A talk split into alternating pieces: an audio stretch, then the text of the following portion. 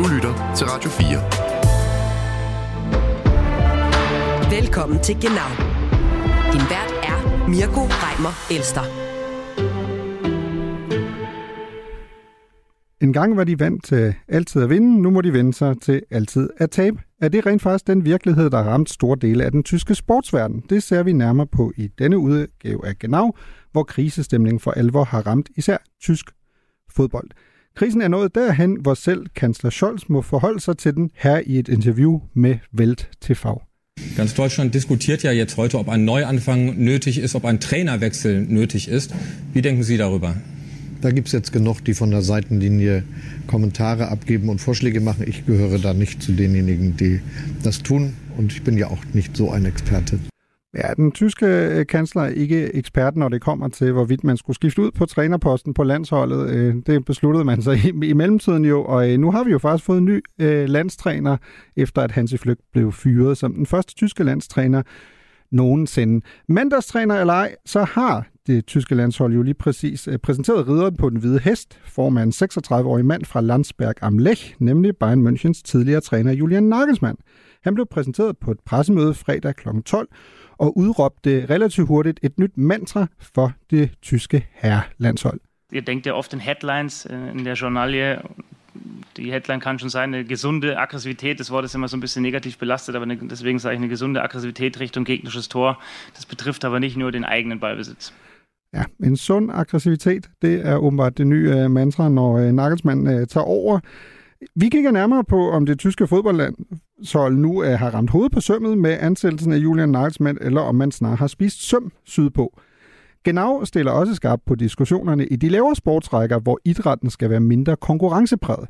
Det har affødt kritik, så vi taler med en sportspsykolog om, hvorvidt en mindre konkurrencepræget hverdag for de unge er vejen frem.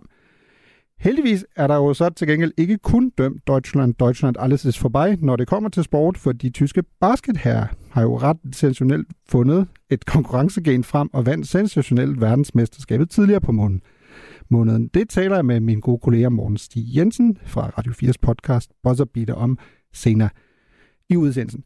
Og så skal vi selvfølgelig endelig også tale om uh, Olaf Scholz's øjenklap, for blev klappen måske mere populær end kansleren selv, og formåede Scholz at udnytte det momentum, som klappen åbenbart gav. Velkommen til Genau. Du lytter til Genau på Radio 4. Med et fodbold-EM på hjemmebane i horisonten, så har tyskerne travlt med at få rettet op på de svigtende resultater, især inden for fodboldsportsgrenen. Siden et VM i Katar, hvor mændene end ikke kom ud over øh, gruppespillet, og så et øh, VM her til sommer for det tyske kvindelandshold, hvor, gen, hvor man gentog bedriften om ikke at spille sig videre, ja, så har tysk fodbold haft vældig hovedpine. Nu har DFB jo så som bekendt fyret landstræner Hansi Flick, og i dag, fredag, hvor vi optager, programmet kom så svaret på, hvem der skal løfte landsholdet ud af den her krise.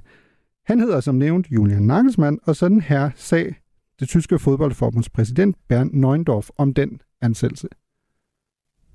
Wir haben einen gemeinsamen Beschluss befasst und dieser Beschluss äh, fiel einstimmig aus, äh, nämlich in der Tat, äh, was äh, Franzi Wülle ja gerade schon angedeutet hat, dass wir äh, Julian Nagelsmann äh, zum neuen Bundestrainer berufen haben und gleichzeitig ebenfalls einstimmig die Co-Trainer Benji Glück, der auch unter uns ist, den ich auch begrüße hier in dem Kreis, und Sandro Wagner werden ähm, werden äh, Julian Nagelsmann zur Seite stehen äh, Richtung Europameisterschaft äh, 2024. Das, äh, damit ist direkt gesagt, die Laufzeit des Vertrages ist in der Tat befristet bis zu der Europameisterschaft im kommenden Sommer. Ja, Ny landstræner er åbenbart vedtaget enstemmigt i, i toppen af det tyske fodboldforbund, Julian Nagelsmann. Øh, kort kontrakt kun til efter øh, slutrunden, altså udløber 31. juli, hvilket, når man tænker på tyske landsholdet, faktisk er ret øh, generøs, fordi det allerede kan stoppe i udgangen af juni igen, så frem man skulle ryge ud i, i gruppespillet. Men lad os tale om det. Velkommen øh, til Gisle Thorsen, journalist hos Mediano. Tak skal du have. Eller velkommen tilbage. Velkommen tilbage. Ja. Du er jo sådan en lidt uofficiel øh, maskot for det tyske landshold. Sidst du var her i december, det var det første program, jeg var vært, der var tyskerne lige røget ud til VM.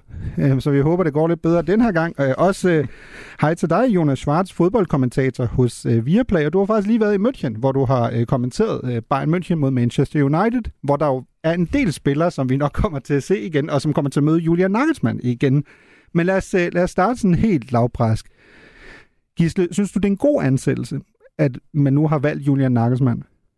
Ja, det kan det jo vise sig at være. Øh, det var jo favoritten, og de var jo også meget inde på det her, jamen det er enstemmigt. Det overrasker mig dog ikke så meget, at det er enstemmigt, for jeg er ret sikker på, at dem, der har haft tvivl, de har, de har stemt med, da de har set, hvad vej vinden blæste. Øh, og de taler også meget om, det er ønskekandidaten Julian Nagelsmann. Jeg så den pressekonference, og de talte ud over denne her, hvad var det, du kaldte det? En sund aggressivitet. Øh, det er det, Julian Nagelsmann kalder det. Ja, det er det. Der, der talte de meget om begejstring, eufori, glæde. Og, og det, er jo det, det er jo hans opgave. Det er det, han skal mm. øh, prøve at se, om han kan, kan genskabe det her tyske landshold, så de ikke blamerer sig på, på hjemmebane til EM. Så øh, jeg, jeg synes, det er et interessant valg. Om, om det er det rigtige valg, mm, det, det er lidt i tvivl om. Hvad siger du, Jonas?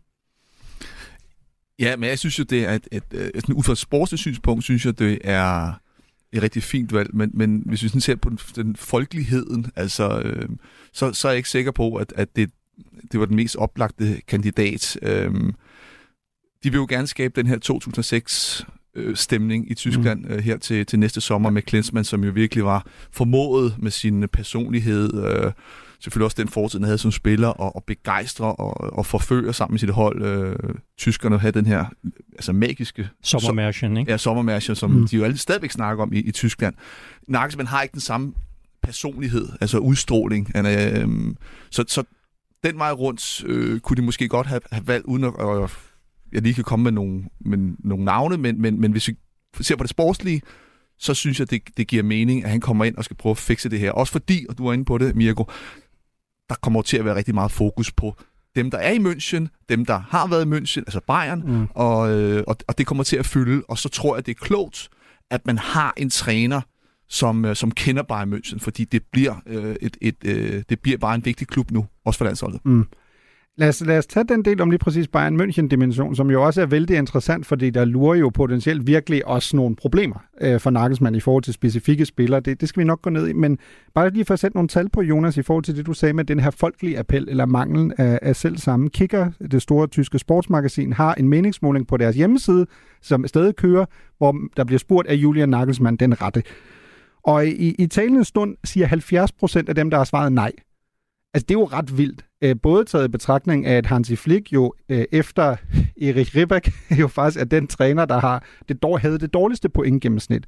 Og Hansi Flicks, øh, altså Nagelsmanns forgængers tid, har jo mildest set ikke været en succes som landstræner. Så man burde jo tro, der var den her kæmpe opbrudsstemning nu, hvor man siger, at det kan ikke blive værre, fordi vi har lige tabt 4-1 til Japan og øh, jeg ved jeg godt, så følger kommer ind osv. Men Gisle, hvorfor tror du, den der opbrudsstemning i hvert fald ikke er der i befolkningen? Fordi jeg kunne også nævne en anden meningsmåling fra Bild, hvor man spørger, hvor langt tror I, at tyskerne kommer med Nagelsmann? Og der siger over halvdelen af dem, der har svaret indtil videre, enten ude i gruppespillet igen, eller måske 8. Det er kun cirka 20 procent, der tror, man måske kan nå en semifinal på hjemme. Altså, hvorfor tror du, den der opbrudsstemning ikke er der? Jamen, jeg tror omkring Nagelsmann, øh, Jonas var inde på det, han, han er jo ikke nogen charmeur. Øhm, og så tror jeg også, vi skal se på hans fortid, hvor han har været træner hen. Han har været træner i Hoffenheim, mm. han har været træner i RB Leipzig, han har været træner i Bayern München.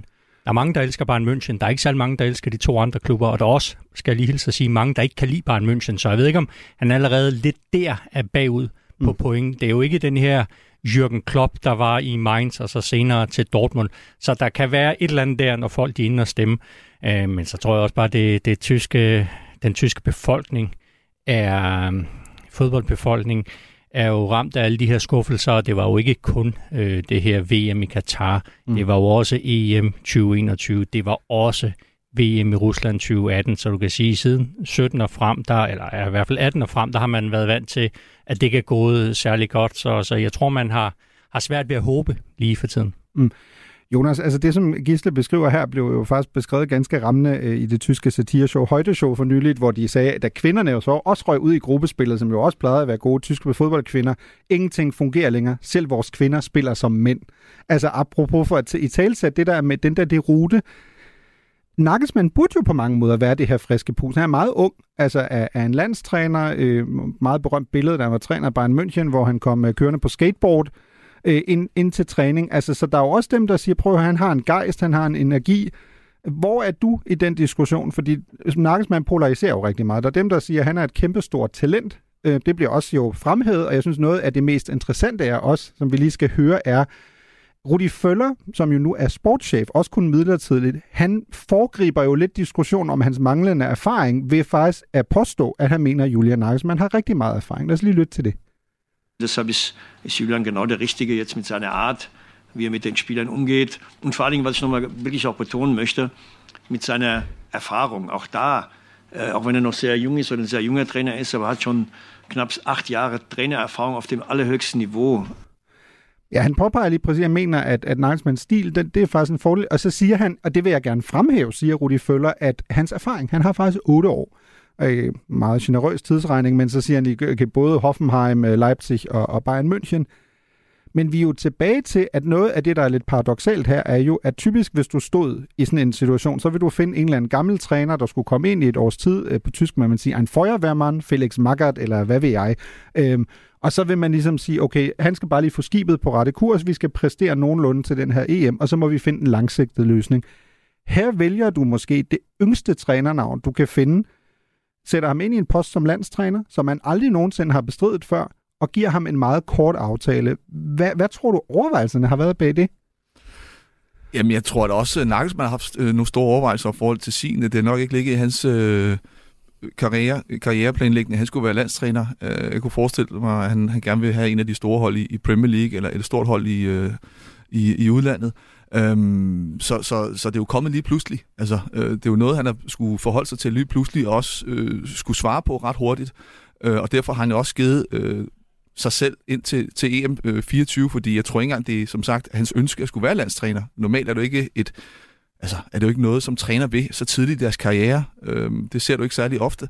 Så, så, så det er en overraskende udvikling, der er i tysk fodbold, men nu kommer du ind på det her med, med, med populær. Jeg var som sagt i München, og, og, og, og der blev der også snakket om det her. Og, og det er jo sjovt nok, sådan på Rudi Føller, nu snakker vi om folkelighed og bred appel. Mm. Altså, der er jo mange tyskere, som godt kunne tænke sig, at Rudi Føller bare fortsatte. Han gjorde det tilbage, øh, da Ribæk øh, blev, blev fyret, og det der forfærdelige mm. EM i, i, i 2000 fik holdet øh, øh, til, til VM-finalen med, med, med begrænset, skal vi sige, øh, kvalitet. Og det er jo mm. det, Tyskland også står foran nu, fordi dengang var der også mange, der sagde, at ah, vi har et stærkt hold, Dortmund har lige vundet Champions League, Bayern München er gode, og så videre. Hvorfor? Men det var udlænding.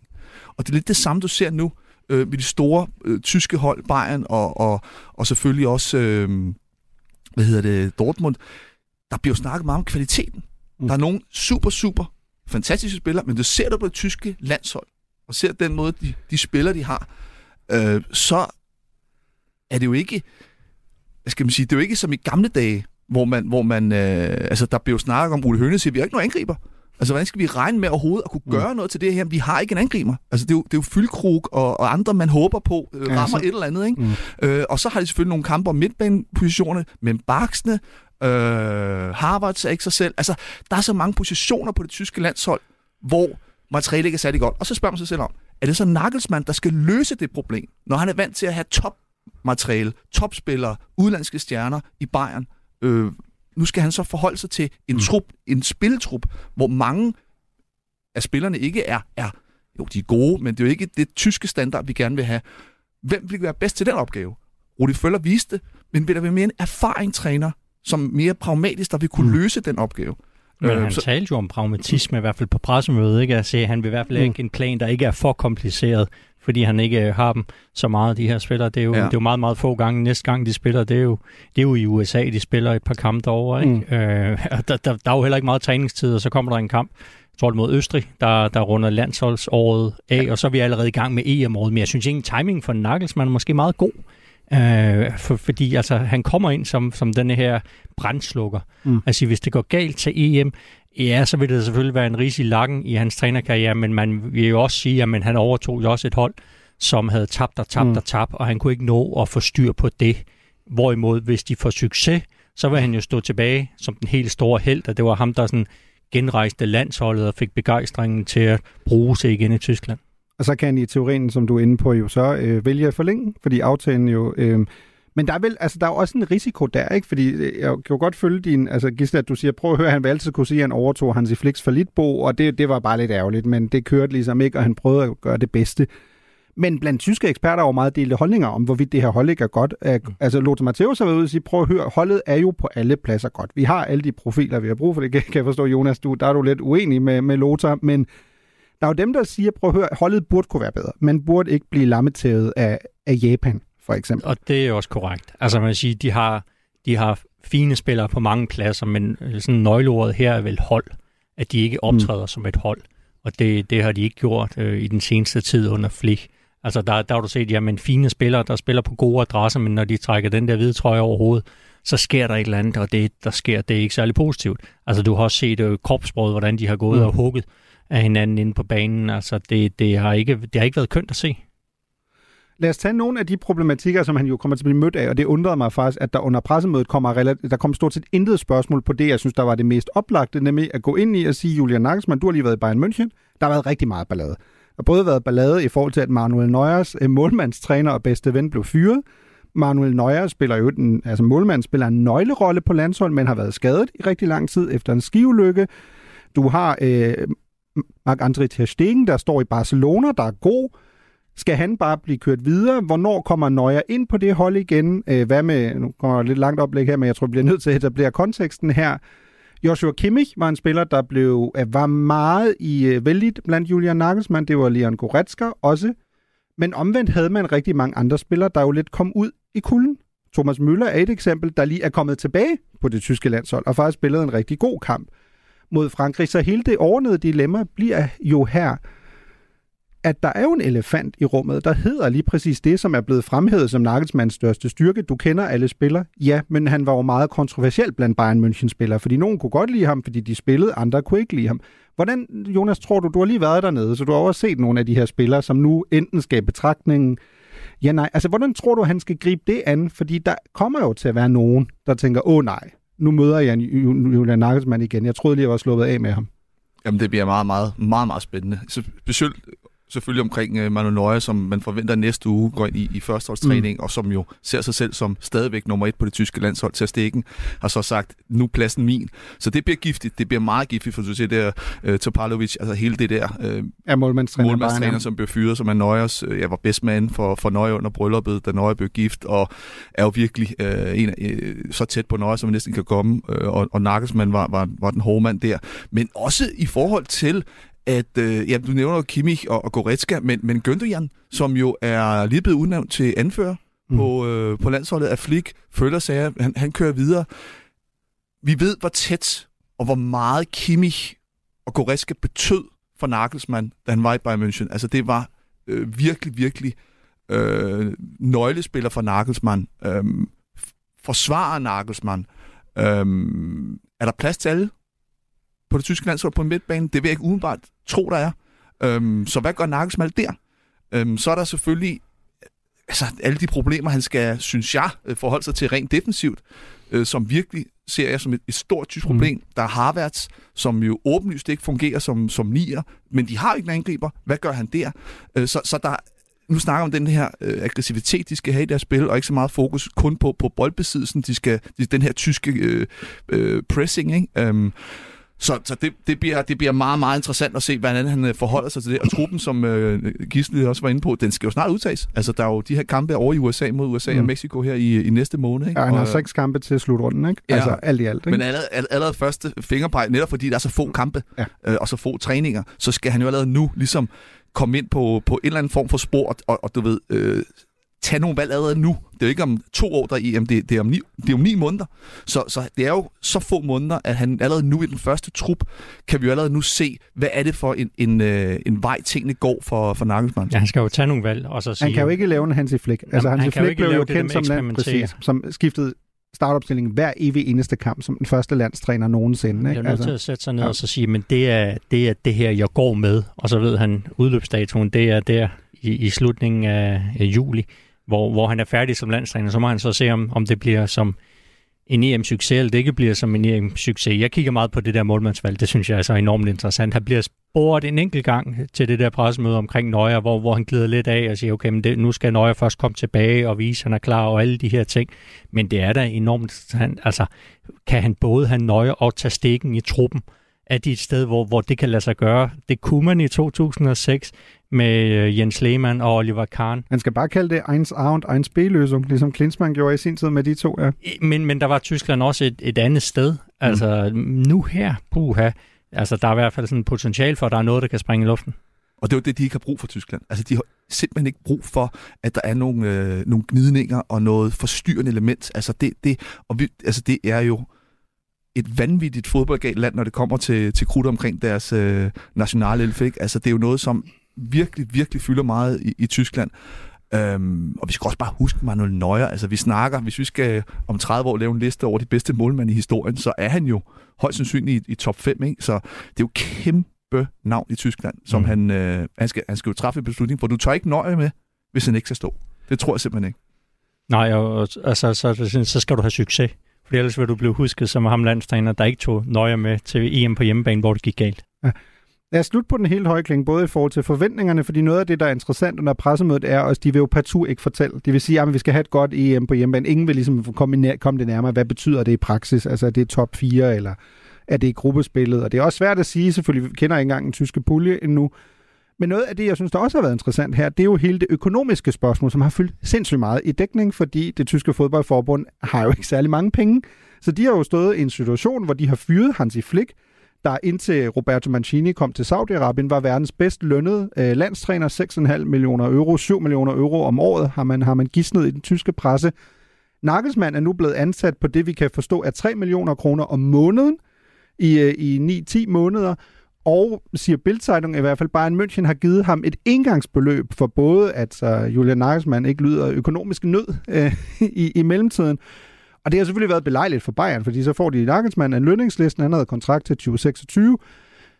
Men jeg synes, der er jo både, hvad er jeres forventning, og så er der det store spørgsmål i forhold til Nagelsmann, at den risiko, jeg bare ser i det her er, hvad hvis Julian Nagelsmann i foråret næste år får et tilbud fra Real Madrid, Chelsea eller andet, og allerede nærmest bliver nødt til at skrive under, og så har han både en kontrakt i Chelsea fra 1. august, giver ikke rigtig mening, når du skal være klublandstræner. 1. juli, samtidig med landstræner, altså kan I ikke se et kæmpe potentiale også der i forhold til konflikt? Altså, hvor, jo, hvor det er committed det. er han? Jo, men det er jo, jeg tror også, det er derfor, han har lavet så kort en aftale at sige, det er det her EM. Mm. Og, og så vil han nok formentlig prøve at se, om der er et spændende klubjob til ham.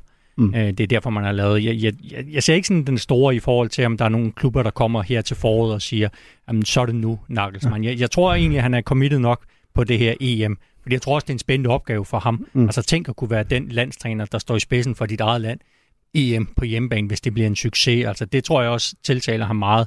Men efter det, der, der kan jeg da godt se ham vende tilbage til klubfodbolden. Men er det ikke damned if you do, damned if you don't, Jonas? Fordi på den ene side, han kan jo ikke komme til en stor klub, hvis han tager hele EM. Altså, en stor klub vil jo ikke først ansætte en træner i 1. august eller sådan noget. På den anden side, det skaber et kæmpe dilemma, som Lothar Matthäus også har været ude og kritisere. Fordi Matthäus regnede jo med, at hvis man ansatte en landstræner, så var det ikke kun den her slutrunde. Det var også næste VM i 2026. Fordi nærmest mens Nagelsmann skal forberede landsholdet på et EM på hjemmebane, vil der jo være en diskussion om, hvem der skal tage over. Altså, jeg tror ikke, der kommer en diskussion her i foråret allerede omkring øh, øh VM 26. Nu kommer det til at handle om EM 24. Øhm, du har da ret i, at, at, øh, at der kan da godt komme nogle spekulationer omkring Nagelsmann, og det tror jeg ikke så meget, det handler ikke om Tyskland, for han skal ikke tilbage til Bayern, og der er ikke andre hold, lige nu i hvert fald, som for ham er interessant. Der har været snakket lidt om, om Dortmund, øh, mm. fordi Terzic og så videre, men, men det tror jeg ikke aktuelt. Han vil gerne prøve sig sag ud, i udlandet, men jeg tror ikke, at man skal forvente, at han, altså det kommer han ikke til at skulle komme ud og udtale sig det, og der kommer nogle rygter, for de rygter vil altid være der. Øh, jeg tror også, som Gisse siger, at han er totalt committed nu til, til det her 24. Men jeg, jeg synes egentlig, det er fornuftigt nok for alle parter. Fordi jeg synes også, det ligger sådan et eller andet sted i luften, at, at det her har været sådan en, en hovsa-ting for, for det tyske fodforbund. De skulle fyre en landstræner, de har aldrig gjort før de har regnet med Flick, det fungerede ikke. Nagelsmann havde helt klart nogle andre planer. Nu, nu bliver han landstræner. Så i stedet for at lave en eller anden form for øh, ægteskab og få det til at virke som om, nu, nu tænker vi på den lange bane, det tror jeg ikke, nogen vil købe. Jeg tror, nu kører vi præmissen om, ja, det her, det er det, som det blev til. Det bliver en kort aftale. Det bliver øh, fuld fokus frem mod EM24. Prøve at få den her gigant tilbage på sporet. Og så tror jeg egentlig ikke, at, at, at det vil give nogen mening eller mere tryghed sådan i, den, i, den, i, den, i et større perspektiv, hvis man har sagt, at nu har vi lavet en til 26 eller 28. For jeg tror, konsensus vil alligevel være, jamen Nagelsmann, han skal da ud og være klubtræner igen, men nu er de bare mm. i den situation, de er Tyskland. Jamen, de er jo i knæ, det tyske øh, fodboldforbund, det tyske landshold. Så jeg tror, det handler om det her med at sige, men det er ren overlevelse. Altså nu handler det om at komme gennem den der EM-slutrunde på bedste vis, og kunne i hvert fald komme ud af det der dødvand, som man er i nu. Og så må man så se efter sommer, hvad der venter. Jamen det må man tage til den tid. Altså nu handler det om mm. ikke at blamere sig på hjemmebane. Nej, men så vil jeg slutte den der. Jeg havde egentlig overvejet, om jeg skulle spørge jer, hvad jeres forventning var, men jeg synes ikke blamere sig på hjemmebanen lyder jo som et mål. Man det godt, man, øh, man godt kunne indfri. Jeg tænker, vi tager den samme snak igen, når vi nærmer os øh, EM i forhold til, hvad for nogle forventninger. Jamen, jeg tror godt, de kan få et fornuftigt EM. Altså, jeg tror ikke, de vinder, men, men, men Tyskland på hjemmebane, og hvis der kommer den der eufori, så kan det faktisk godt men gå hvad, hvad er fornuftigt, Gisle? Altså, er det ja, ud af gruppespillet? Er det ja, ja, nej, fornuftigt. Der, der skal vi vel frem til kvart eller semifinalen, synes okay. jeg. Altså, trods når du kigger på Tyskland, og det er på hjemmebane. Og så... fodboldfans er jo også per definition pessimister. Altså det er jo klart, nu spørger du, du siger, du kigger, og jeg så det også, at det var omkring 14.000, der var inde og stemme, og de der 70 procent. Men, men man er jo pessimist som fodboldfan, indtil, det, til man får en, den, den glædelige overraskelse. Men når det nu bliver forår, øh, og, og, og bladene kommer på træerne, og øh, fladet kommer rundt på altanerne rundt omkring i Tyskland, så skal vi nok få den der eufori, og så, så er jeg sikker på, at, at den her, det her mørke efterår, det, det er langt væk. Hvor er det poetisk. Øh, vil du ikke øh, kort til sidst også apropos, hvad er så en fornuftig slutrunde i Jonas Schwartz termer? Gisle sagde, at det kunne godt være en kvart eller en semifinal. Hvad er det for dig? Altså et tysk landshold på hjemmebane skal minimum i en semifinal. Jeg tror, hvis, du, hvis det bliver sådan en kvartfinal, så er det en flad fornemmelse. Men kommer de i en, en semifinal, så, så tror jeg, at mange tyskere vil være tilfredse med det. Men øh, lad os nu se. Jeg tror, øh, jeg har fedus de der tyskere. Når de er undertippet, når de er helt op af, af væggen, og øh, kniven den er på struben, så har de øh, en tendens til at finde noget frem. Du lytter til Genau på Radio 4. Vi fortsætter med vores Tour de Force øh, gennem tysk sport, men bevæger os lidt længere ned i rækkerne. I tysk ungdomsfodbold vil man nemlig indføre en reform, der skal have mere fokus på spilletid og afskaffe resultater og tabeller. Fra sæsonen 2024-25 skal spilleform i højere grad være kortere, mere intensive fodboldkampe med 2-5 børn per hold, hvor man roterer mellem de forskellige fodboldbaner, og hvor målene i øvrigt er mindre – til gengæld er der fire mål. I stedet for indskiftninger er der rotationer efter et fast princip, og er man bagud med tre mål, må man skifte en ekstra spiller ind, indtil man har udlignet. Formålet er, at børnene skal være mere på bolden og have flere succesoplevelser, hvilket bakkes op af videnskabelige studier. Jo ældre børnene bliver, jo større bliver holdene igen, og målene bliver og større. Men det er ikke alle, der er super begejstrede for den her reform. Sådan her sagde for eksempel træneren for Bundesliga-holdet Erste FC Köln, Steffen Baumgart til WDR-podcasten Einfach Fußball. Wir sind eine Generation, die nur noch den, den weichen und seichten Weg geht. Das kann doch wohl nicht wahr sein. Es ist doch nicht schlimm, wenn ein Kind verliert. Also nochmal, es ist doch nicht schlimm. Ich muss doch mit Niederlagen lernen, umzugehen. Ich muss doch lernen, mich nicht durchzusetzen, sondern Spaß an dem Sport zu haben und nicht nur, wenn ich zehn Tore schieße, sondern das kann doch nicht schwer sein. Kann, aber das ist beschlossen. Das kommt.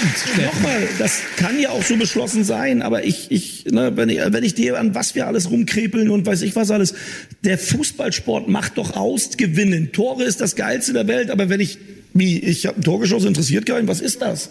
Das funktioniert doch so nicht. Ja, men øh, altså, SF's kunsttræner selv, det fungerer simpelthen ikke sådan. Altså, vi kan ikke komme hen et sted, hvor vi på den måde totalt tager konkurrenceelementet ud af det, og at, hvor der ikke længere påstår han vil være en glæde ved, ved at score et mål, blandt andet. Nu kan jeg sige velkommen til Christoffer Henriksen. Du er professor i sportspsykologi på SDU, og med dig vil jeg gerne tale lidt mere om, hvad vi præcis ved om. Hvad er, der, hvad er godt for børn, især i den meget yngre alder i forhold til konkurrenceelementer, score mål, øh, vinde eller tabe kampe. Hej Christoffer. Goddag, goddag. Christoffer, den her reform, den deler jo vandene i, i Tyskland ret meget jeg kan forstå, at du er egentlig ret positiv over for lige præcis den her del specifikt, at man måske øh, tager resultaterne ud, eller i hvert fald sætter mindre i, i fokus. Hvorfor er det en, en god idé, øh, ud fra det, du kan se som sportspsykolog?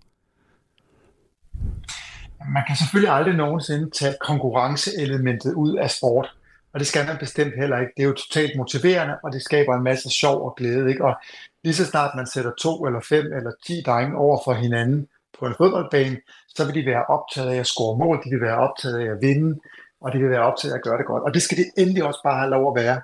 Det man øh, forsøger på at tage væk her, er den der sådan lidt voksenorienterede tilgang, der handler om, at vi tæller hen over en sæson, og at du ved, resultatet af den her kamp, den forfølger os igennem hele sæsonen, og har indflydelse på, om vi kan få lov at spille i den række, vi gerne vil næste år og næste år osv. osv.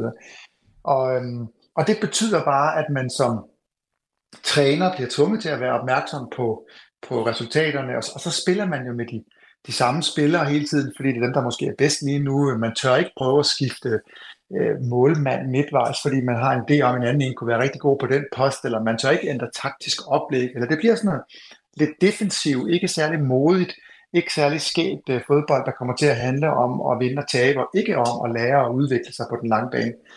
Så derfor synes jeg, det er en knaldgod idé, de har gang i der. Men er det, du ikke beskriver der, altså sådan kunne jeg lidt kægt sådan øh, spørge dig, er det ikke livet? Altså er det ikke livet, at du i en virksomhed for eksempel vil have de bedste, øh, og du tænker, okay, jeg vil hellere have nogen ind, der har et højere bundniveau fra start, øh, fordi jeg kan kun tåle så så mange mennesker, der, der kan udvikles. Altså det her med, man sådan, altså den her diskussion handler jo, som du også siger, den handler jo meget om det her med sådan en vindermentalitet, ikke? Og kritikerne siger ligesom, jamen, den vil jo være der lige meget hvad i livet. Hvad, hvad siger du til den kritik? Altså i forhold til, at det her er jo en bare en del af de her børns liv, øh, lige fra start til slut. Men det handler overhovedet ikke om vindermentalitet, og jeg synes, det her med at kigge på erhvervsliv med voksne mennesker er en helt forkert metafor. Altså, det er helt, helt respekt for, at man i en, i en stor moderne virksomhed er nødt til at være ops på det, men vi har med børn at gøre her. Øhm, og man kan sige, at der er en ufravigelig forudsætning for, at nogen, for at en spiller bliver virkelig dygtig, når de bliver 22 eller 25 og kommer på landsholdet. Og det er jo, at de stadigvæk spiller, når de er 25. Ikke? Og hvis vi ligesom piller modet fra alle dem, som er de mindste, alle dem, som udvikles en lille bitte smule langsommere, alle dem, der er født i december måned i stedet for januar måned, og derfor er en lille smule, som du ved, mindre fysisk udviklet end de andre osv. Hvis man piller modet fra alle dem, ved, at de ikke får spilletid, ved, at de ikke får lov til at spille øh, øh, sådan vigtige roller på, på holdet, jamen så har vi bare startet med at skære 90% af hele talentmassen væk. Og det, kan de, det må de gerne gøre i Tyskland for min skyld. Det er kun godt for Danmark. Ej, det, det, det bliver jeg selvfølgelig nødt til at være uenig i øh, som tysker, Kristoffer, men jeg, for, jeg forstår godt pointen. øhm, ja. jeg, jeg læste en meget interessant studie, hvor pointen var, at hvis man kørte fodbold på den nuværende måde, især på syvmandsbold, øh, så var det sådan, at øh, de to bedste spillere øh, på hvert hold havde samlet bolden cirka 80% af tiden. Øh, med andre ord, der var sådan et massivt overlæg øh, hen mod de dygtigste spillere, og man prøvede at undgå øh, de dårligste spillere. Og det, det vækker jo sådan lidt traumatiske minder i mig selv, fordi jeg var heller ikke særlig god til at spille fodbold, så jeg var typisk venstre bak, øh, og var sådan en, der blev valgt sidst, indtil jeg fandt mm. ud af, at jeg skulle stå på mål i stedet for, fordi det var jeg sådan lidt bedre til. Er det også det, du hensyder til her? Altså det her med, at der er nogle børn, som ellers risikerer at komme ud på en position, hvor de aldrig kommer til at få bolden, og her laver man så en reform, hvor man siger, nej, det der er i fokus er faktisk, at alle skal have bolden mere, fordi på den måde udvikler de sig også. Lige præcis, og man kan sige, hvis nu det var fordi, det var sådan, at vi kunne kigge på en 8-årig eller en 10-årig, og have et meget klart billede af, om vedkommende kunne blive dygtig senere hen eller ikke kunne, så ville det måske gøre mindre, at vi fokuserede på dem. Men det kan vi ikke. Altså øh, talentidentifikationsforskning har vist med al ønsket tydelighed, at det er simpelthen for svært. Altså der er alt for mange, der bliver gode, som ikke var dem, der blev udpeget tidligt, og alt for mange af dem, der blev udpeget tidligt, der ikke endte med at blive gode. Og derfor så er vi nødt til at skabe et, et, øh, et læringsrum, hvor at alle udvikler sig. Og jeg kan sige, at i Danmark var det jo allerede tilbage i start 2000'erne, at, øhm, at Kasper Julemand og Kjeld Bordengård lavede de her studier i dansk fodbold, der viste lige præcis det der med, at når en, en venstre bak rører bolden tre gange ikke? i løbet af en fodboldkamp, og, og hvad er det, der sker, når man, øhm, hvad er det, der sker, når man laver mindre øh, baner og mindre mål og færre spillere på banen og sådan noget. Og det, det placerer spillerne i, i mange flere altså nogle udfordrende situationer, de skal løse. En mod en, to mod en og alt sådan noget. Ikke? Og, det, øh, og det er i det hele taget bare et meget, meget bedre udviklingsrum. Så det har vi jo, det har vi jo gjort mange år efterhånden i, øh, i dansk fodbold, haft fokus på det.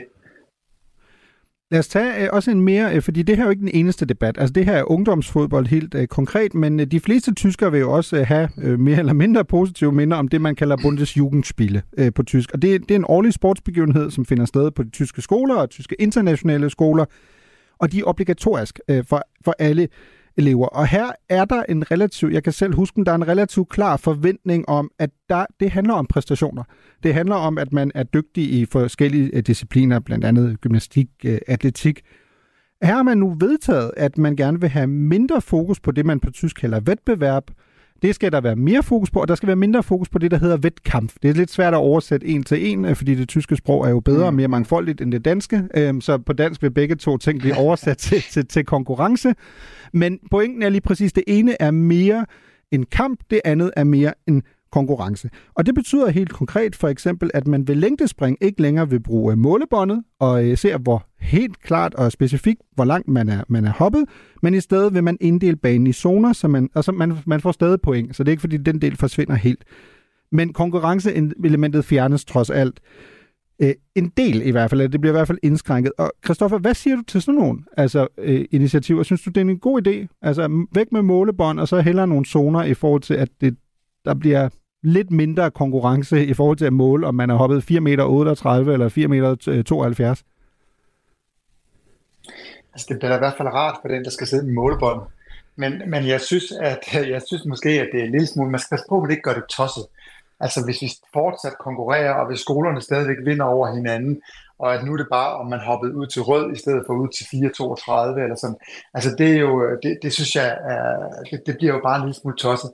Det vi skal tænke over, når vi gør det her, det, det der giver god mening, det er for det første, at der er mere fokus på det sociale, på fællesskaberne, på at kunne lære hinanden, og det, og det skaber man blandt andet ved at nedtone den interne konkurrence. Ikke? Så bliver det nemmere at være sådan en, der hjælper ham, der står ved siden af, som ikke lige kunne lure det der med afsættet. Hvordan hjælper man lige med det?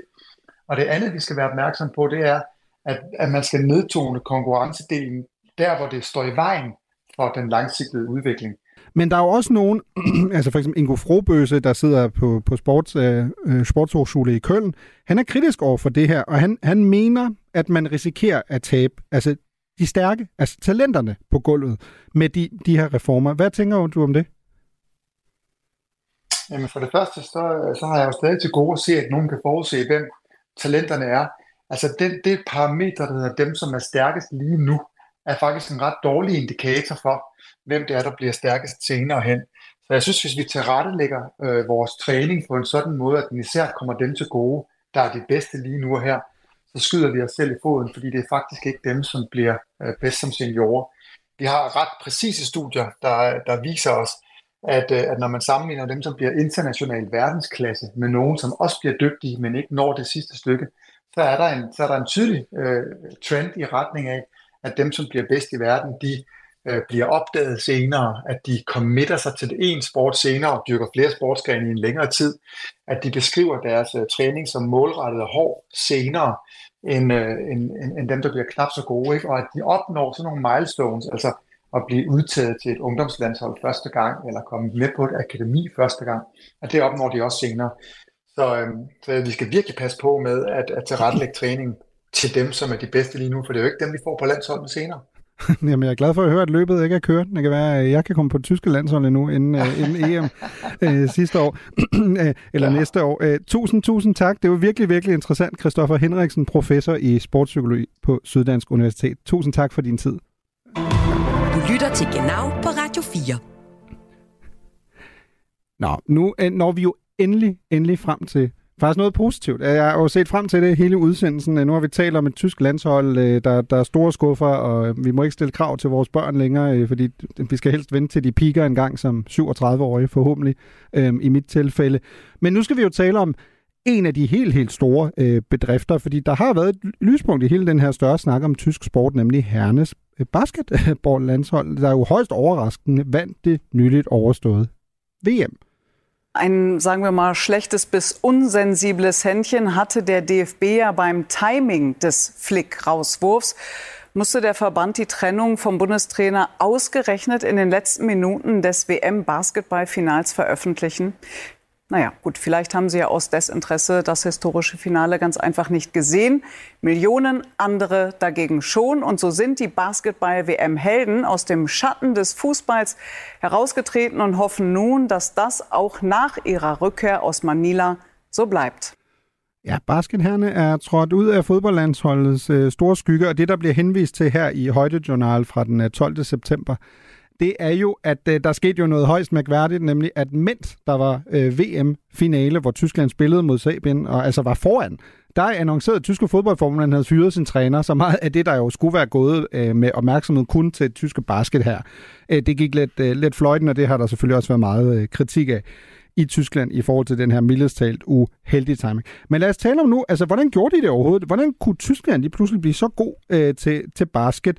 Jeg har fået besøg af min gode kollega Morten Stig Jensen, vært på Buzzer Beater her øh, på Radio 4. Hej Morten. Hej.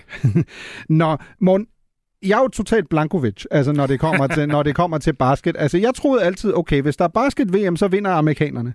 Men ja. tyskerne slog jo amerikanerne. Morten, hvad sker der? Jamen okay, så, så nu skal vi lige have noget kontekst her. Fordi for det første, amerikanerne de stillede op med et uh, C- eller D-landshold, mm. mere eller mindre. Og uh, det var uh. altså en af de, de, uh, de store faktorer, der spillede ind. Og af en eller anden grund, så har de simpelthen aldrig vægtet VM særlig meget. De kigger mere på OL som værende det helt store. Uh, så, så VM har altid flået lidt under radaren for amerikanerne. De har ikke været super interesserede. Med det sagt, så skal vi da selvfølgelig give vores roser til, til tyskerne, fordi at jeg havde ikke set det komme. Jeg vil, jeg vil sige, der er nogle folk klogere end mig derude på international basket i hvert fald, som der sagde, Morten, læg lige mærke til tyskerne. Og så var jeg sådan, ah, okay. Mm. De vinder hele skidtet, og det gør de ved at spille kollektiv basketball.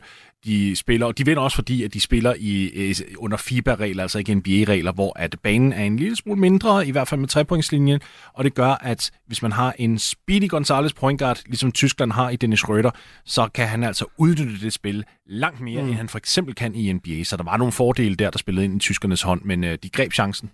Så du er egentlig ved at punktere hele den her succeshistorie ved at sige, at det var sådan en lidt billig baggrund. Banen var lidt mindre, amerikanerne gad ikke at komme med deres bedste spillere. Nej, jeg vil sige... Men det... de slog jo, altså de vandt jo alle kampe. Ja, ja, ja, ja, men der er ikke, det er ikke en billig baggrund, fordi det der med, med at banen er, som den er i FIBA-regi, det synes jeg er helt fint. Altså det er jo bare NBA, der har valgt at udvide tingene lidt, så det er der ikke noget der. Jeg synes heller ikke nødvendigvis, det er en billig baggrund, fordi øh, når, når, bare fordi øh, amerikanerne stiller op med et, et lidt sværere landshold, så betyder det jo ikke, at man bare skal sidde der og så sige, nå ja, okay, øh, det er jo, de vinder måske alligevel stadig, fordi det er USA. Og sådan. Altså, de greb jo chancen, og det er jo det, der er det vigtigste her. Øh, de har en, en ung spiller, der hedder Frans Wagner, der spiller for Orlando Magic. Han er en kommende stjerne, og han fik også rig mulighed her under VM for at udfolde sig. Altså, de har dygtige spillere, også på NBA-niveau, mm. og tidligere NBA-spillere, og det, der er masser af talent her at finde i Tyskland. Ah, fedt. Så ikke så billig baggrund alligevel. Men, Ej, er, men, men er det en egentlig svane? Altså, sådan, kan man forvente, at Tyskland bliver bare sådan dominerende i, i basket nu de næste 20 år, eller skal man ikke sådan sætte sine forhåbninger for højt der? Nej, dominerende er et stort ord. Jeg, jeg tror, at det her åbner nogle øjne, i hvert fald fordi, at VM er, kommer aldrig til at være en event, som amerikanerne tager så seriøst, tror jeg. Uh, ikke medmindre der i hvert fald sker en ændring inden for Team USA. Og det åbner døren for alle andre nationer. Mm. Det, det gør det da. Det, at Tyskland vinder VM, tror jeg i allerhøjeste højeste grad gør noget for ungdomsbasket i Tyskland. Jeg tænker da, at fordi at der nu er spillere, som der er på plakater med, med guldmedaljer, så er der en hel masse unge tyskere, som der kigger op på til de spillere nu og siger, ej, det var da fedt, altså det vil jeg da også gerne prøve for folk, der begynder at gå mm. til basket, og det kan så betyde, at man i den her pipeline senere får et mere dominerende og, og mere konstant øh, tysk basketballlandshold, som der faktisk kan kæmpe med, med medaljer ved internationale turneringer. Hvad er den næste sådan store internationale turnering, hvor Tyskland skal vinde guld? Oh, Eller jamen, hvor Tyskland vinder guld, undskyld. Hvor de, hvor de vinder guld, ja. simpelthen. jamen altså, det næste, hvad er det? Det må så være Eurobasket, altså EM, tænker jeg. Mm. Øhm, fordi nu der er jo OL næste år, og der ved jeg, at amerikanerne de stiller op med deres A-landshold. LeBron James, den store superstjerne, efter øh, USA de ligesom røg ud uden medaljer, så lavede han lige sådan et Avengers Call til alle sine, øh, til alle sine buddies i, i NBA, så det bliver altså de helt store, klokkeklare superstjerner, der dukker op til OL her mm. næste år øh, i, i Paris. Og der tænker jeg nok, at tyskerne kommer til at have det lidt svært. Ej, lad os nu se. Det kan godt være, det bliver, det kan godt være, det bliver one night in Paris for, for LeBron, hvis han først møder det tyske landshold. Det, det, lad, lad, lad os nu se. Jeg, jeg, jeg er totalt optimistisk, efter at have hørt det her så du tror, at det her, det, altså selvom måske billig baggrund, at, at det kunne godt være et form for kvantespring, altså som tysk basket kommer ind i nu, altså både i forhold til, hvad det betyder i forhold til ungdom, der mm. har jo også været en historie, der har fyldt meget i, i Tyskland, nemlig at Serge, Serge Ibaka, altså tidligere NBA-spiller, jo faktisk lige har skrevet under med Bayern München. Ja øh, basketholdet og fik sig en på opleveren, fordi han skulle på oktoberfest som noget af det første. Der havde han aldrig, der havde han aldrig været før. Men det virker jo til, at det måske også kan løfte tysk basket, altså også måske ligaen i forhold til, at det bliver mere attraktivt. Eller er det stadig sådan, at de gode spillere vil stadig gå en relativt lang bue udenom uh, Tyskland på grund af digitalisering og alt muligt andet? Nej, altså jeg vil sige, at, at tysk øh, liga-basket, det er stadigvæk noget, som der er lidt op ad bakke. Altså, det mm. er det der. Det er ikke Spanien, hvis vi kigger på, øh, på de internationale ligaer for uden NBA. Det er det, det er det bare ikke. Øh, Frankrig heller. Men jeg vil jo ikke sidde her og sige, at det ikke godt kan blive det. Det her, det handler om, at det tyske basketballsamfund, øh, og tyske basketballforbund også, de skal omfavne den her guldmedalje, og de skal på en eller anden måde lave en plan nu, hvor de skal finde ud af, hvordan kan vi bruge det her til egentlig at, at, at bygge en katapult, som der får os op i de her højere luftlag. Det handler om at få flere ind, og det handler også om at få lavet en mere seriøs eliteafdeling måske, hvor man simpelthen siger, prøv at høre, nu har vi faktisk en medalje i hus, der er meget, meget vigtig for os. Den skal vi have igen på et eller andet tidspunkt, så nu skal vi have et ordentligt akademi. Vi skal gøre det her, vi skal gøre det her, vi skal simpelthen implementere en masse nye ting, så vi egentlig kan komme tilbage på det plan. Øh, så nu handler det om at, øh, at smide lidt, mens interessen trods alt er, stadigvæk er der, og få folk ind i baskethallerne i Tyskland. Tusind tak, Morten. Det var slet. Du lytter til Genau på Radio 4. Nu vender vi så blikket mod Olaf Scholz, også kendt som kansler Klap, grundet den øjenklap, han har måttet bære efter et uheld under en løbetur. For øjenklappen er jo til synligheden blevet en større succes, nærmest end kansleren selv, og han har jo selv i talesat den ved flere lejligheder. Blandt andet, som vi hørte i et tidligere afsnit under årets bilmesse i München, hvor han jo plæderede for det, at det i visse tilfælde måske var, faktisk var bedre at tage bilen, end øh, at bevæge sig ud på god fod. Das Wochenende hat mir noch mal ganz persönlich gezeigt, so schön Joggen ist für manche Strecken nimmt man doch besser das Auto. Ja, man plejer at sige på tysk, hvad en Fahrrad lieb, der schiebt. Øh, men øh, Olaf Scholz han har ligesom omfortolket den og sagt, prøv at høre, hvis øh, nogle gange skal du hellere tage bilen, fordi ellers skal det gå galt. Øh, øjenklappen skulle også ifølge Der Spiegel have været lidt af en isbryder, blandt andet under G20-topmødet øh, tidligere på måneden, hvor øh, Der Spiegel skrev, at øh, at den her øjenklap, den har simpelthen øh, givet Scholz en masse øh, opmærksomhed, øh, fordi folk kommer med det samme hen og taler med ham, og Olaf Scholz, han, han er jo nordtysker, så det er jo ikke altid helt nemt. Øh, han er jo lidt, øh, lidt reserveret. Også i et efterfølgende interview på Velt øh, TV, så der blev der heldigvis øh, spurgt ind til, hvordan deltagerne på topmødet havde reageret på den her øjenklap. Die meisten waren sehr solidarisch und äh, wünschen gute Besserung.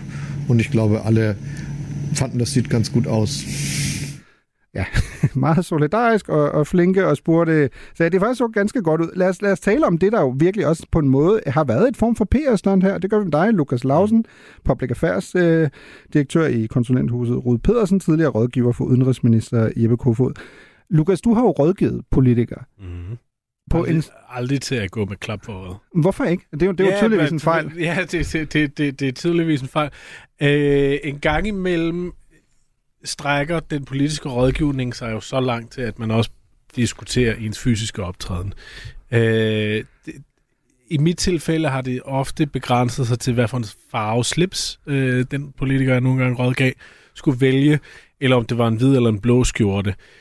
Nogle gange måske, øh, altså sådan, er det her en jakkesætsdag, eller er det ikke en jakkesætsdag? Mm. Det er meget sjældent, vi har talt om rekvisitter, Øh, men jeg vil ønske, jeg vil, jeg vil jo ønske, at vi har gjort det, fordi altså, nu, nu dukkede det der billede af Scholz op i starten af september her, mm. med, med øjenklappen, og altså, jeg så det, og ligesom alle andre ting, det er et satirebillede. Altså, det, det, det er jo den, jeg, skulle, mm. jeg skulle klikke fem gange på det der billede, før jeg fattede, at det faktisk var ham selv, der havde lagt det op, og det, det ikke var en joke. Øhm, og, og, og, og, og, og det var jo enormt succesfuldt. Altså, det var jo det var helt mm. vildt. Øh, altså, det er selvfølgelig også på en baggrund af, at det heldigvis ikke var særlig tragisk, det der foregik, og, og at han ikke... Nej, han var ikke blevet blind på det ene øje. Han var ikke blevet blind på det ene øje, og det er heller ikke, fordi han er blevet tæsket af nogen i nattelivet, eller, mm. eller, eller sådan noget, selvom det selvfølgelig også kunne være en interessant historie. Øhm, så, det, så han kunne jo ligesom gøre grin med det, og han kunne udnytte situationen fra start. Og det tror jeg, han har haft nogle gode rådgiver til at hjælpe ham med at mm. gøre. Fordi som du også selv har sagt et par gange her i indledning, han er nordtysker, han er ikke sjov. Han er seriøst ikke sjov. Nej, Scholz Omar, ikke? Sådan et ja, kendt præcis. udtryk om ham. Han er sådan måske lidt mekanisk. Og... Super mekanisk, og man kan også høre det selv, når han skal forklare, hvordan det gik til, til G20-topmødet mm. med det der øjenklap. Han, altså sådan, det er hans ene chance for rent faktisk at sige det lidt på en sjov måde, eller sådan noget selv. Mm. Det kan han ikke formå, fordi han er mm. så kedelig. Øhm, så det er okay. Det, øh, det, det hjælp ham, øh, og jeg tror, han har fået meget hjælp til at få den hjælp. Øhm, mm. Men, øh, men... Det forlyder jo i tysk presse, at han faktisk selv var ham, der kickstartede ideen. Der selv okay. sagde, okay, skal vi ikke gøre noget med det her? Ikke? Okay. Og det første opslag på sociale medier, ja. skriv, der skriver de jo også direkte, altså fra, fra Scholz' side, vi ser frem til de memes, der kommer ja. nu, ikke? Af hvordan... Og det var klogt gjort. Det var rigtig, rigtig klogt gjort. Øhm... Du synes ikke, det er out of character? Altså i forhold til, at, at Scholz jo lige præcis, det, det passer jo ikke ind i det image, han har normalt. Er det derfor, det er Nej, så godt? men det fordi... image, han har normalt, fungerer jo ikke. Okay. Altså, det kan ja. jo godt, altså sådan, det, det, det, det, det, det, det er da super out of character, og han er ikke sjov, men, og, og det er også derfor, det er nærliggende, at det er en anden, der har fundet på det. Hvis han selv har fundet på det, lige meget hvem i virkeligheden, der har fundet på det, så er det måske ikke så skidt efter, øh, efter noget tid med denne regering, som bare sidder fast og ikke fungerer, og der er så meget øh, bøvl og ballade. Øhm, bare mix it op. Altså prøv, at, prøv at finde på noget helt andet. Øhm, det, det, det, tror jeg, det tror jeg er meget klogt gjort. Men han, han har jo et problem så nu, fordi nu har han jo ikke længere den der klap. Men han havde den jo ikke på så længe, så han skulle nærmest helst snuble på sådan en ugenlig basis, eller hvad? Så der, der var et eller andet, der ligesom tog ja, man fokus. Skulle i hvert fald, man skulle i hvert fald prøve at ride lidt videre på det, og, eller øh, håbe på, at det ville have sat sig lidt mere. Jo, jeg tror bestemt, han har været mere omtalt øh, i de uger, han har haft det der, det der mm. klap for øjet, og han har været mere interessant at afbillede øh, rent fysisk. Altså avisforsiden har været sjovere med, med, med et billede mm. af ham, end, end, end de ellers ville være. Øhm, og derfor har han fået mere omtale. Også sådan, at den lidt blødere karakter, som man mm. ønsker sig som politiker. Altså, det er altid fedt at få de der profiles og feature og sådan noget. Øhm, end, fordi det er noget, som folk hæfter sig ofte mm. lidt mere ved. Så det har været godt for ham. Men når man kigger på målingerne, så, øh, så er det jo stadig af Hækkenfeldt til for, for de tyske socialdemokrater. Men jeg skulle, jeg, skulle lige, jeg skulle lige til at spørge dig om det, fordi der virker jo ikke til at have været en klap-effekt. Nej. Altså i, i, i målingerne Nej. i hvert fald, ikke? Og hvor, hvorfor tror du ikke, den kommer? Altså, det, fordi, fordi de to ting simpelthen har for lidt med hinanden de at gøre? har for lidt med hinanden ja. at gøre. Altså, det, det, det kan godt være, at det har noget med hans personlige rating at gøre, og hvis man mm. kigger på sådan nogle tal, det har jeg ikke gjort, og det tror jeg ikke findes endnu, men sådan nogle tal med, hvor, hvor venlig eller hvor likable mm. synes du en, en politiker er, der, der tror jeg givetvis, at der kan have været et lille nyk opad. Men, men det socialdemokratiske øh, resultat i en meningsmåling, det står stille, eller det falder. Mm. Øhm, så så der, har det, der har det ikke haft nogen effekt. Også vælgerne er jo ikke dumme. De kan jo godt se, at politikken ikke har ændret sig, og, mm. og der stadig er nogle af de andre, der åbenbart lige nu tilbyder noget, der er federe. Du tror ikke, at det måske mere handler om, at, at hvad kan man sige, vælgernes sådan, forhold ændrer sig jo ikke. Altså hvis de er utilfredse med inflation eller energipriser, mm. så er det jo ligegyldigt, om han har en klap på, eller ja. hvad, hvad han gør. Er, politikken er den samme. Politikken ja. har ikke ændret sig. Øhm, utilfredsheden med regeringen er den samme. Ja. Øhm, problemerne i regeringen, som hele tiden drøser ud til offentligheden, øh, er de samme. Øhm, så, så, så jo, på ham personligt har det måske gjort en lille smule forskel, men for øh, befolkningsindtryk af regeringen, eller befolkningsindtryk af, af Socialdemokratiet, har det, har det ikke gjort det store. Og det er, øhm, det, det, det er selvfølgelig ærgerligt for Scholz, men jeg ved heller ikke, om de havde regnet med, at, mm. at, at, at de med det her kunne, kunne afvinde diverse kriser, når øh, finansminister mm. og erhvervsminister samtidig ligger i krig med hinanden. Du, du har jo som nævnt øh, rådgivet en, en socialdemokratisk udenrigsminister, ikke? Mm. Vil Mette Frederiksen kunne rokke sådan en øjenklap der? Ja, det vil hun, helt klart. Øh, og jeg tror også, hun vil eje den. Hun vil også eje den endnu mere end Hun vil tage to på, tænker du nærmest? Ja, eller hun vil i hvert fald... Øh, altså, Mette Frederiksen er jo faktisk ret sjov, øh, og har faktisk humor. Jeg kan godt lide, at du bliver nødt til at sige faktisk, som om det er sådan, jo, jo, nu breaker du noget. Nej, det, statsministeren er faktisk sjov. Jamen, det, det er ikke alle, der tror på en, når, mm. man, øh, når man siger det, men, men statsministeren er faktisk ret sjov og, og, og morsom og underholdende. Øh, jeg tror, hun vil være fremragende med øjenklap, øh, og jeg tror også, at øh, at, at hun vil kunne formå at udnytte den endnu mere. Øh, og, og have lidt flere sjove bemærkninger på, på, på, på sin egen bekostning her til sidst. Er, er, det, er, er klappen, er det sådan et greb, du vil bruge fremadrettet? Altså er det sådan en, hvor du sidder og tænker, gid, jeg havde fundet på det der? Nej, men, men, men jeg har da tænkt over, at, at de her ting, som åbenlyst eller i, i første omgang er noget negativt, altså noget ufedt. Se hvor, øh, se hvor øh, clumsy øh, kansleren er, han kan ikke engang finde ud af at løbe lige ud, uden at, uden at falde på snuden. Mm. Øh, at man rent faktisk kan tage noget negativt og vente til noget fedt. Øh, hvis man ligesom husker at vende 180 grader og, øh, og er med på at, at, at tage pis på sig selv og, og, og gøre noget sjovt ud af det. Du lytter til Genau på Radio 4. Nå, øh, her på Genau kan vi øh, desværre ikke præsentere nogen øh, ny tilføjelse, selvom vi muligvis faktisk har haft flere udskiftninger på tilrettelæggerposten de sidste ni måneder, end Tyskland har haft landstræner, tror jeg. Men uh, dankesøen til ugens gæster og tilrettelægger Anne Dorte Lind. Nagelsmann eller ej, så vil Rudi Føller for mig altid være bundestræner der Herzen, og derfor slutter vi ugens udgave selvfølgelig også med et stykke tysk kulturarv, Claus und Claus med egen Rudi Føller. Genau er ligesom Julian Nagelsmann tilbage i næste uge, selvfølgelig med større forventninger end til det tyske landsholds kommende EM på hjemmebane og Wiederhören.